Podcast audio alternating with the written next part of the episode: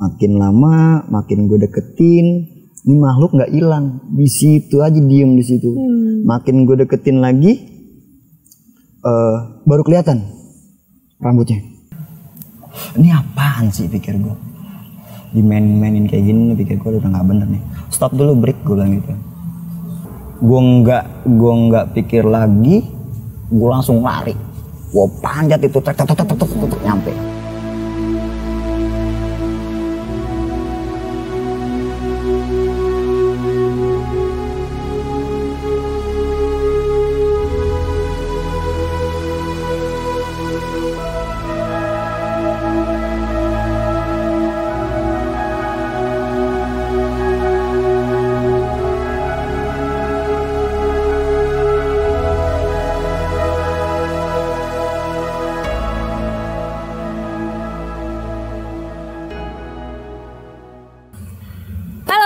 kembali lagi bersama gue Zi di channel Kisah Pendaki.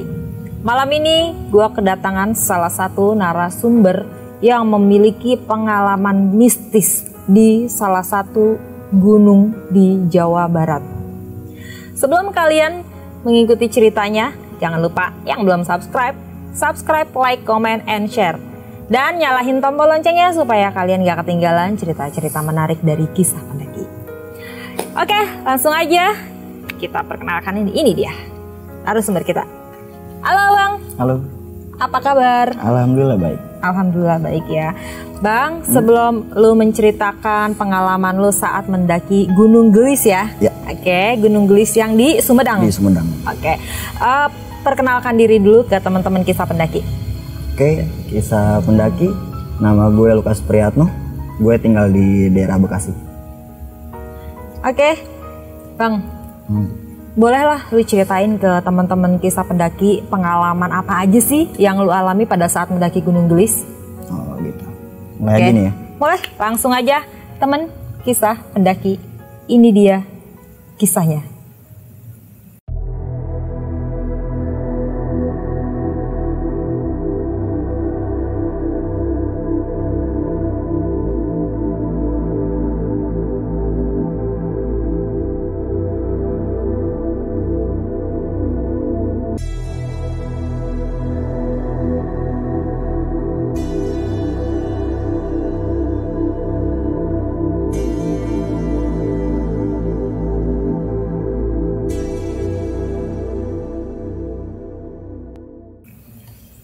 Kejadiannya sekitar tahun 2020, tanggal 25 26 Juli. Jadi eh, waktu itu gue mau ngerencanain open trip. Kebetulan masih covid kan waktu itu kan, Ah, masih PSBB. Jadi peserta peserta open tripnya tuh cuman dikit, cuman ada cuman ada enam orang. Oke. Tapi gue pastiin buat tetap ngelakuin pendakian itu. Yaudah. dari Bekasi gue berangkat eh, sama sama kawan gue cewek dari terminal Bekasi. Namanya Felisa. Janjian nih di terminal Bekasi itu jam 7 pagi kalau nggak salah. Yaudah singkat jam 8 kita berangkat nih naik bis nih berdua. Sampai di bis udah berangkat eh, sekitaran makan waktu sampai 4 jam lah setengah 12 kita nyampe turun di Parakan Muncang dia udah, udah sampai di Sumedang tuh di Parakan Muncang. Dari situ udah gue ngopi. Nah, terus gue ngabarin kawan gue nih. Namanya Mas Eko. Mas gue udah nyampe Parakan Muncang nih. Oh yaudah om. Eh, tunggu situ aja. 15 menit lagi gue nyampe. Yaudah gue tunggu 15 menit. Mas Eko nyampe sama Om Kewon bawa dua motor kan. Akhirnya udah gue dari situ berangkat ke kaki Gunung Gelis. Ke komplek eh, Arthur Iya, desa Tanjung Sari. Yaudah, gue rencana eh, sama mereka tuh muncak hari itu Sabtu eh, jam 4 sore. Yaudah sampai sana di base camp kita ngopi-ngopi, makan. Eh, jadi gini, eh, gua pendakian itu dibagi dua kloter. Yang pertama kloter pertama gue, Mas Eko sama Felisa. Nah kloter kedua ada kawan gue dari Bandung, namanya Teh Krisna, Kang Dian sama Om Kewan. Kenapa dibikin dua kloter? karena kawan gue yang dari Bandung ini kerja sampai jam 5 sore Oh. itu jadinya ya udahlah udah udah udah ngasih kabar gimana nih kalau bikin dua kloter gue cabut duluan nih ke puncak ntar lu nyusul aja. Ya udah om nggak apa-apa cabut duluan aja jalan. Ya udah. Asar tuh ya kan? Asar kita packing kita packing ulang kita bertiga bawa bawa tas carrier satu-satu dan isinya padat berat banget. Udah eh, dan catatan lagi di Gunung Gelis ini nggak ada air. Oh. jadi mau tidak mau, suka tidak suka, kita bawa air dari bawah. Lanjut cerita, kita berangkat jam 4 lewat. Masih di pemukiman warga nih. Pemukiman warga. Tapi eh, kacaunya Gunung Gelis tuh, biarpun masih pemukiman warga, tapi jalannya udah kayak gini. Udah nanjak. Wah udah nanjak banget. Udah sampai situ kita masuk ke ladang perkebunan warga. Mas Eko minta break. Om, break dulu gue capek. Oh ya udah. Akhirnya gue gua nemenin Eko kan. Nah Felisa nih masih ngelontul aja ke atas. Terus gue bilang sama Feli, Fel, lo jangan terlalu jauh. Nggak apa lo jalan pelan, yang penting gue masih ngeliat lo, gue bilang gitu. Jadi Eko istirahat, duduk. Jadi posisi jalan udah tinggi, udah miring gini kan. Eko di bawah, gua tengah, Felicia masih jalan. Gue lagi ngerokok, santai. Tepat di arah jam 12 gua, eh gue lihat kayak kayak ada orang ngintip, Orang ngintip. kayak ada orang ngintip. Tapi gue perjelas lagi nih. Gue perhatiin depan, gue perhatiin depan. Orang tadi yang gue lihat kayak ngintip itu berubah jadi batang pohon. Oh. pertama dari situ gue udah mikir ya ini apa halusinasi gue doang atau apa? Gue ngerti. Kan soalnya kan apa perjalanan gue kan lumayan panjang. Nggak ada nggak ada jeda buat istirahat lah Iya. kasarannya. mungkin halusinasi gue. Dari situ sih sebenarnya gue udah mikir ah ini udah nggak bener nih pendakian nggak beres nih. Tapi gue nggak mau ngecewain dua kawan gue sama yang kloter kedua. Akhirnya eh, penglihatan yang tadi nggak gue ceritain. Mas Eko udah seger, akhirnya kita mulai ngetrek lagi. Mulai ngetrek lagi, eh, udah tuh jalan tuh. Kita masuk di vegetasi hutan bambu. Udah rimbun, tempatnya udah rimbun. Eh, tapi trek masih masih aman lah buat buat dilalui. Soalnya alhamdulillahnya waktu itu nggak ada hujan. Iya. Udah jalannya lah kita. Sampai singkat cerita sampailah kita di pos 1 di pos 1 Bukit Jarian di situ tempat eh, view-nya cuma ada apa pohon-pohon pinus aja sih. Hmm. dari situ tas keril tas keril gue bongkar karena logistik ada di tas gue. Udah gue bongkar kita bikin kopi.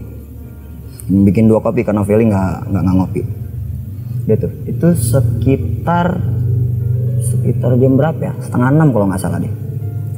Sekitar setengah enam. Udah bikin kopi tiba-tiba Felisa bilang gini sama Mas Eko Mas di sini ada pemukiman warga ya kok gue denger banyak banget suara orang? Gue bilang gitu kan. Terus dijawab sama Mas Eko nggak ada Vel di sini tuh udah hutan pinus semua. Terus gue bilang Felisa denger apa sih? Gue dalam hati doang sih gue ngomong Felisa lu denger apaan sih? Eh, soalnya gini loh gue tahu Gunung Gelis itu bulan sebelumnya bulan Juni gue pernah ke sana. Gue pernah ke sana dan emang gue tahu di Bukit Jarian itu pos satu udah nggak ada pemukiman warga sama sekali. Itu udah pure hutan pinus Yaudah, eh, nggak gue permasalahin apa yang didengar Feli. Udah yuk, cabut lagi. Eh, takut nanti kemalaman lah kasarannya, soalnya udah setengah enam kan.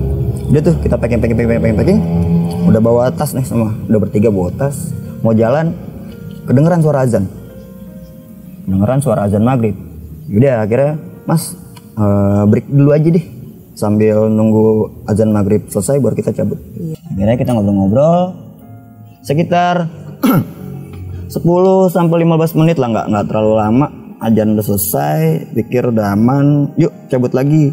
Terus Mas Eko bilang "E, Om center keluarin. Takutnya nanti kita di jalur batu eh, kita ketemu gelap. Iya. yaudah akhirnya center pegang satu-satu. Satu-satu kita berangkat nih kita mulai trek. Leader gue eh, tengah Felisa terus Mas Eko paling belakang kan sweeper. Yaudah kita masuk ke hutan duri. Jadi ini loh dari pos eh, satu Bukit Jarian itu sampai ke eh, sampai ke hutan duri itu cuman palingan nggak jauh lah. 5 meter 5 meter sampai 10 meter nggak nyampe 10 meter 5 meteran lah.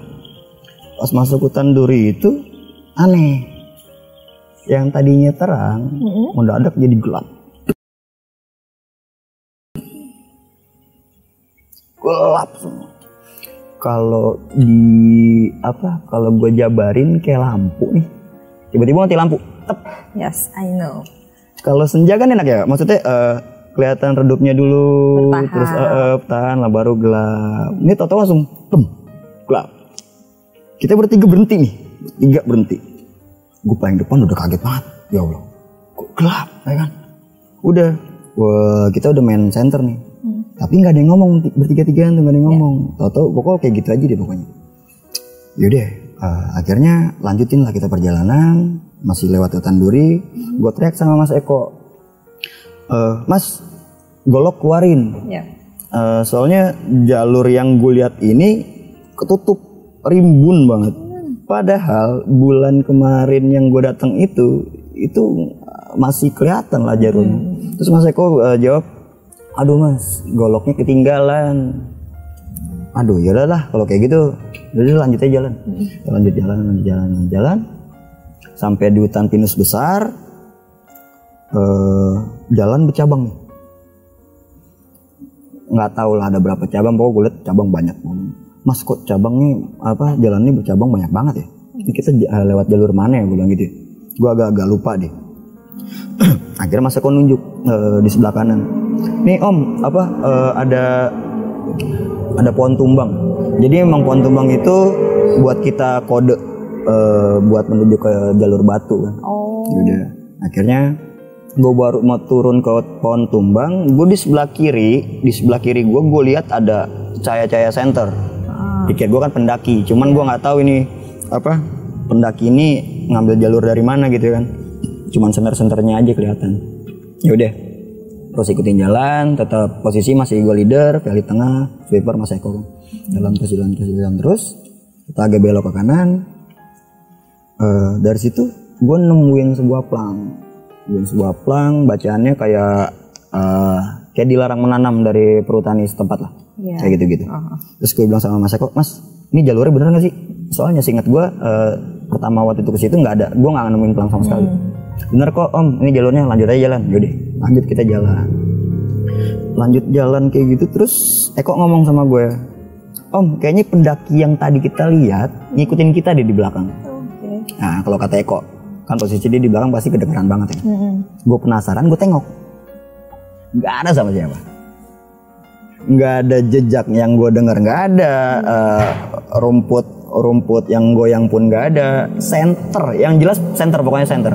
Center pun nggak ada. Gue cuman denger orang teriak, "Woi!" Sekali. Dari situ gue ngambil pusing, gue jalan lagi terabas. Udah tuh. Eh, seingat gue, kalau sudah sampai di pohon tumbang itu, trek kita tuh udah anjak. Soalnya ketemu jalur batu. Tapi ini jalannya nggak nanjak turun. Gue tanya sama Mas Eko, Mas, ini jalurnya bener gak sih? Soalnya kan dia orang situ ya. Iya. Eh, dia bilang bener om ini jalurnya lanjut jalan aja yaudah. Nggak lama dari situ gue nemuin jalur batu. Wah gue seneng banget. Wah bener nih jalurnya. Ayo semangat semangat semangat. Udah jalan. Tak tak tak tak tak tak tak. Nggak sampai lima menit jalurnya turun bawah. Wow. kok makin turun dalam hati gue gue tanya sekali lagi sama Eko mas ini jalurnya bener apa kagak sih? Soalnya gue singkat gue jalannya nanjak nggak turun kayak gini. Lagi-lagi Eko bilang bener om jalurnya ini. Dari situ gue udah mikir gini loh gue dipaksa harus nurutin apa kata Mas Eko? Dan Eko mastiin kalau itu bener-bener jalur yang benar udah otak dipermainkan saat itu. Udah dari situ gue lanjut jalan lagi. Lanjut jalan lagi. Gue lihat eh, gini gini di sebelah kiri gue kan eh, pepohonan ya? Pepohonan.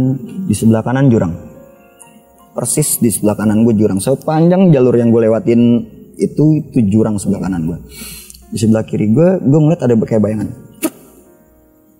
Hilang di balik pohonan. Gue uh apaan tuh? Gue main center udah ngaco nih. Sampai diterakin sama value. Eh, lu kalau main center yang bener. Gue bingung nih kata dia gitu. Eh sorry sorry sorry sorry. Jalan lagi. Jalan lagi. Eh, jalan beberapa meter ke depan bayangan itu lagi ada di sebelah kiri gue. Tapi makin ngedeket gue tuh, tuh, tuh, gue jantung udah dek, ya Allah ini apaan ini apaan? Deket banget jaraknya ke gue. Udah kayak mau nabrak cuman eh, tau-tau tem hilang gitu aja tetep hilang. Kalau di kalau disuruh ngejabarin gue nggak usah ngejabarin. Nggak gue ambil pusing gue nggak cerita juga. Gue lanjutin jalan lagi. Gua lanjutin jalan lagi. Dis ganti nih tadi di sebelah kiri sekarang ada di sebelah kanan. Cuman sosok ini sosok yang paling gua takut sampai saat ini. Gue kalau inget itu agak-agak gimana ya? Agak-agak pusing kalau inget itu. Kenapa tuh bang? Eh, nggak tahu lah berapa jarak jarak meter pandangan gue sama si makhluk ini. Eh, dari situ gue lihat kayak jubah juntai warna putih. Makin lama makin gue deketin ini makhluk nggak hilang. Di situ aja diem di situ. Makin gue deketin lagi eh, baru kelihatan rambutnya. Rambutnya berantakan. Berantakan ya ke depan ke belakang jadi kayak tembus gitu loh. Kayak tembus jadi rambutnya kelihatan. Tuh ke bawah-bawah gitu kan. Dalam hati gue ya Allah ini kode nggak hilang-hilang. Wah asli gue udah gent, apa dengkul gue udah gemeteran tapi tapi gue tetap jalan tapi gue tetap jalan. Makin makin deket sama ini makhluk makin deket sama makhluk gue makin ngeliat itu wujudnya. Mukanya putih. Berantakan tuh. Berantakan. Berantakan. Berantakan. Rambut tuh acak-acakan muka putih berantakan gitu. Yang gue tangkap sam- sama ini makhluk sih dia kayak kayak marah sama gue gue nggak tahu marah sama gue atau sama, sama ketiga ketiga orang gue Felisa sama Mas Eko ini. Eh, dan gue juga nggak tahu eh, yang ngelihat yang ngelihat ini gue doang atau dua teman gue lagi ngelihat gue gue nggak tahu. Nah dari situ udah tuh gue ngelewatin ini. Gue takut tapi gue penasaran. Iya. sebelah kanan gue kan jurang gue mau tahu nih kakinya ada di mana gitu. Ini apa dia terbang ngambang apa gimana gue ngerti. Akhirnya gue center gue bawa ke sebelah kanan. Gue bawa sebelah kanan. Eh, jubahnya yang gue juntai gue center gue center gue center gue center sampai gelap.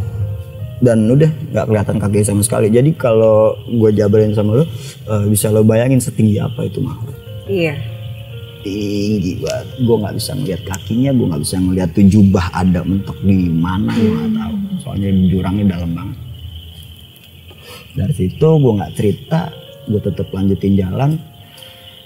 Nggak tahu berapa meter ke depan lama lah. Eh, tiba-tiba jalur gue keputus. Jadi ada dari sebelah kanan tuh kayak aliran air yang memotong jalur perjalanan gue bertiga. Yaudah gue bilang gue angkat tangan stop jalur kita keputus nih. Gue runding sama Mas Eko. Mas gimana jalur keputus nih? Emang di dalam nggak ada eh, di depan nggak ada jalur lagi om? Nggak tahu deh, belum gue cek. Gini aja deh, eh, lo berdua tunggu sini. Gue coba cek ke depan. Yaudah, eh, gue lewatin gue lewatin jalur yang keputus itu sekitaran 2 sampai dua setengah meter. Gue lompatin, gue susurin tuh jalan ke depan.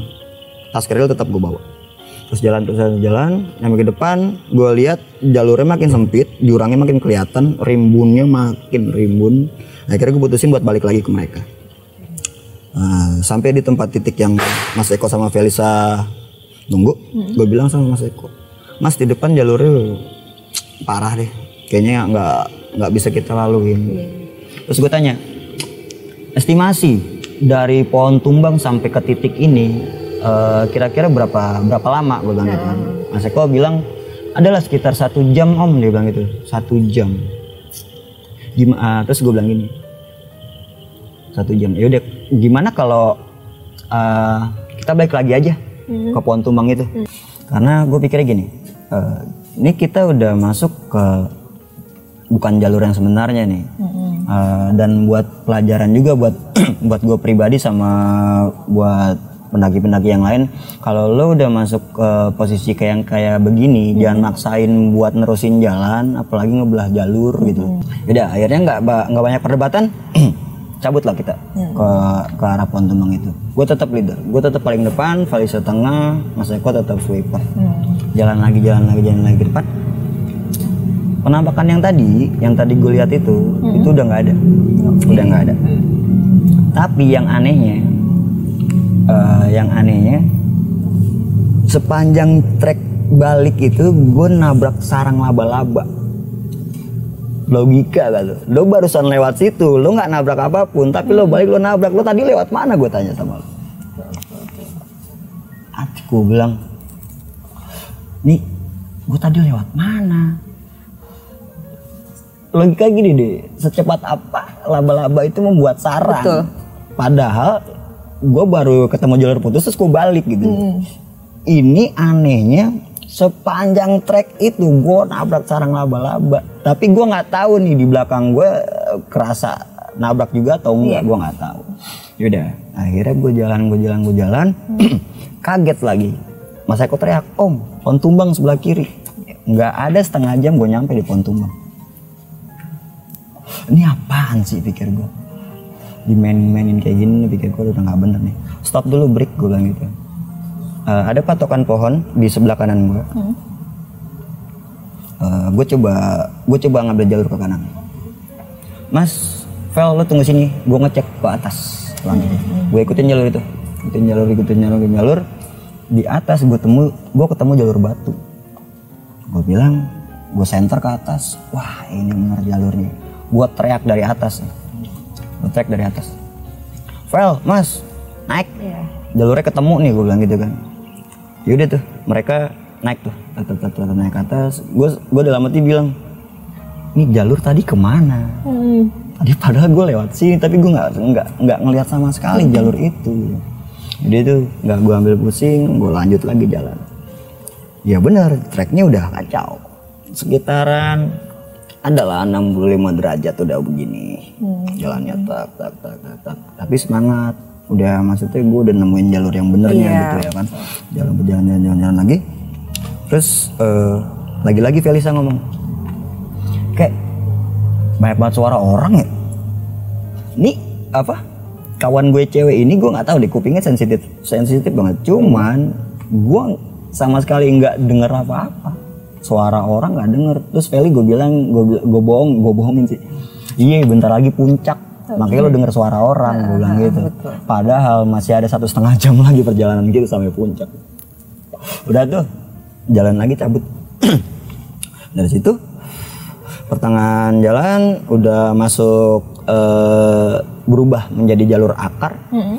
Dari tadi batu sekarang berubah jadi jalur akar. Masa kau minta break Eh, om break dulu gue capek. Ya udah kita break. Felisa iniin gue eh, kayak pokoknya eh, ntar gue mau nampol lo ya di atas. Duh, salah gue apa Vel? Gue bilangin salah gue apa? sebelum sebelum itu di hutan pinus di hutan pinus tuh Felisa sempat ngomong kayak lo jangan sampai bawa gue nyasar ya. Iya. kalau sampai bawa gue nyasar gue tampol lo. Oke. ya udah eh, akhirnya gue bahas di situ gue bilang eh, ya tapi kan gue tanggung jawab Vel. Gue udah bawa jalur lagi nih gue bilang gitu. Gue ini, ini ini jalur udah bener gue bilang gitu. Ah bodoh bodoh pokoknya ntar gue mau nampol lo di atas. Di gedor dada gue dek minggir lo gue jalan depanan. Ini udah bener jalurnya kan? Udah bener. Lo jalan aja deh. Ya udah. Nggak lama Mas Eko bilang yuk jalan lagi cabut. Yaudah. sekarang berubah posisinya. Li- eh, Felisa depan gue tengah Mas Eko tetap di belakang. Jalan nih gue sama Mas Eko eh, nempel terus nih. Soalnya kan emang nggak tahu lah Mas Eko ko- apa kondisinya lagi lagi lagi nggak fit kayaknya. Iya. Nah, lagi nggak fit. Felisa agak berjarak nih sama gue jaraknya. Jalan terus nanjak tapi masih kelihatan sih masih kelihatan. Tiba-tiba di atas Felisa mematuk. Gue sambil jalan ngetrek nih orang kenapa kok diem? Gue gitu. tiba-tiba teriak kakek! Dia bilang gitu ya kakek ini nama gue di tongkrongan. Jadi Oh, dia- oke, dia- dia- panggilannya dia- kakek ya, ah, ah. kakek, siap, dia manggil gue gitu. Yaudah gue nggak gue nggak pikir lagi gue langsung lari. Gue panjat itu tek tek tek tek tek, tek, nyampe. Terus gue tangkap tangannya. Lu lihat apa? gue lu kenapa? gue bilang gitu. Dia nunjuk itu apaan